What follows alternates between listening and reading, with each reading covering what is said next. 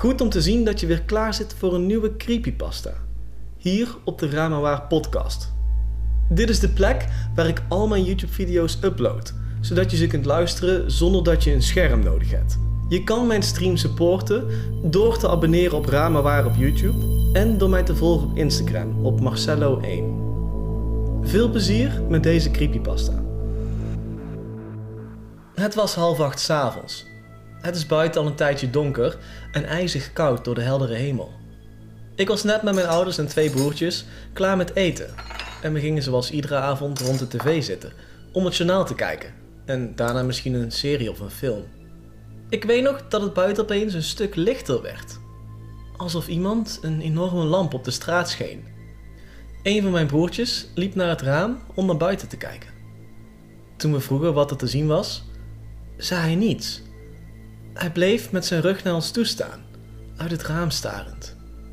Net toen mijn moeder op wilde staan om te kijken wat er aan de hand was, hoorden we plotseling een vreemd geluid uit de tv komen.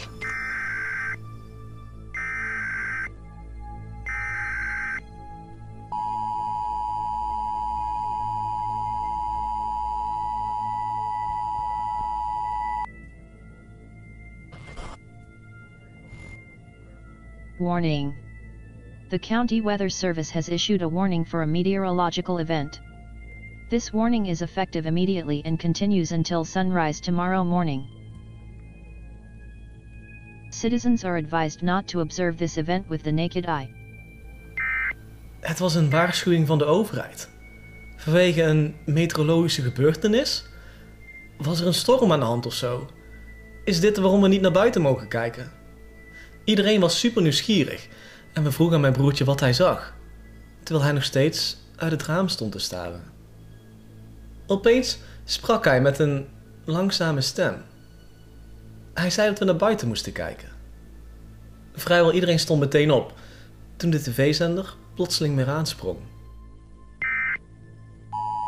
Warning. Your local county authorities have issued a civil danger alert. The County Weather Service has issued the following correction for the weather warning in effect. For your safety remain indoor. The meteorological event is safe for all to view. Warning has been lifted.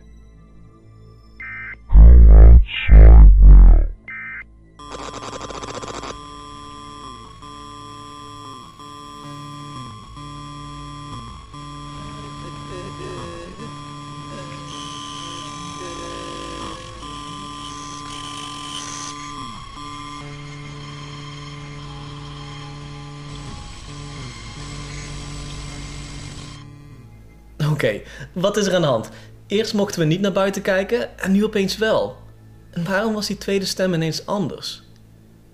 Mogen we nou niet of wel uit het raam kijken? En waarom moeten we uit de buurt van spiegels blijven? Iets klopte hier niet. Iedereen voelde het. In plaats van uit het raam te kijken, draaide mijn moeder mijn broertje om. Zijn ogen waren compleet wit en leken wel licht uit te stralen, alsof hij door iets bezeten was. Hij stond daar voor een paar seconden tot hij een oorverdovende schreeuw liet. Alle lampen in het huis sprongen en iedereen viel naar de grond met hun handen over hun oren. Na een paar seconden kwam ik weer overeind, met nog steeds een harde piep in mijn oren. En ik zag dat mijn broertje verdwenen was. Mijn vader en moeder negeerden de waarschuwing van de tv en renden de voordeur uit om hem achterna te gaan. Ze riepen nog dat wij binnen moesten blijven, met de deur op slot. Ik had de gordijnen altijd dicht in mijn kamer, dus besloten we ons daar te verstoppen. We waren allebei zwaar geschrokken en wisten niet wat we moesten doen. Ik besloot de tv aan te zetten, om te kijken of er misschien nog nieuws was over wat er gebeurde. Maar alle zenders stonden op zwart, op eentje na, en deze herhaalde het eerdere bericht continu. Ik en mijn laatst overgebleven broertje vroegen ons af wat we moesten doen. We probeerden onze ouders te bellen, maar de verbinding werd meteen verbroken. We hoorden buiten mensen op straat lopen en de lucht voelde vreemd aan. Deze werd opeens een stuk drukkender. Ademhalen werd zwaarder en het voelde net alsof we continu aangekeken werden. Ik draaide mijn kamerdeur snel op slot toen de tv plotseling weer aansprong. Close and secure all possible entrances to your home. Switch off all lights. Do not look out of any windows. Do not respond to any knocks on your windows or doors until the all clear is given. Remain silent at all times. Do not attempt to interact with anyone outside of your home. Do not attempt to investigate any noise which emanates from outside your home. Do not attempt to investigate any lights outside your home. If you see any unidentified figure inside your home, or from the corner of your eyes,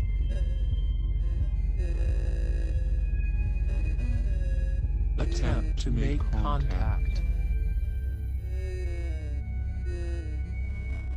She is on your ceiling.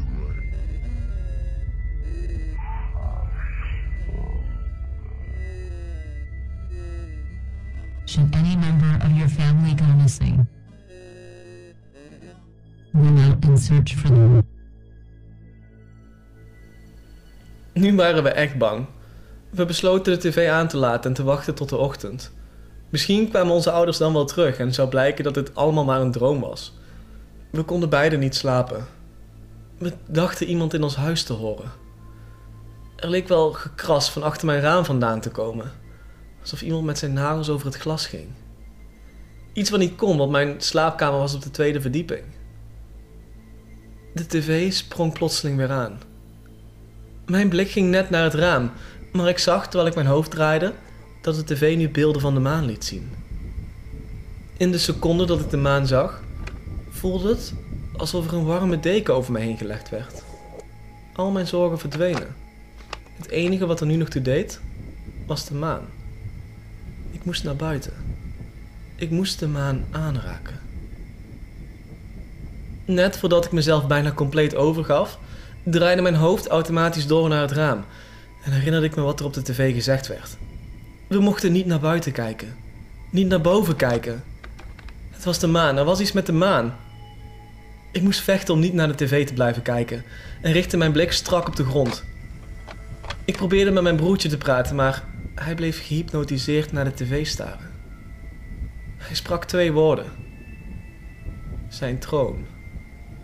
Stond daarna op, draaide mijn deur van het slot en liep naar buiten. Hij had zich overgegeven aan datzelfde gevoel. Ik wist het zeker. Ik rende de deur uit om hem na te roepen en kon hem nog net aan het einde van de gang zien staan. Hij liep recht op een, een vreemd wezen af. Het stond gebokkeld in de gang omdat het zo groot was. Zijn lichaam was dun, fel overbeen. Zijn ogen straalden een dof wit licht uit. Hetzelfde licht als wat er uit mijn jongste broertje zijn ogen kwam toen hij voor het raam stond. Het wezen spotte mij en sprong op de deur af. Ik wist deze nog snel dicht te duwen en op slot te doen. En ik zag hoe het ding doodstil aan de andere kant bleef staan. De schaduw van zijn poten kwamen onder mijn deur vandaan. Ik ben inmiddels drie uur verder en het wezen staat er nog steeds. Mijn broertje fluistert mijn naam door het sleutelgat en vraagt of ik naar buiten kan komen. Het duurt zeker nog vier uur voordat het weer licht wordt. Ik heb de stekker uit mijn tv getrokken en probeer nu mijn verhaal op het internet te krijgen. In hoop dat mensen het zien en mij kunnen vinden. Gebeurt dit nu overal ter wereld? Ik wil hier weg. Alsjeblieft, stuur hulp.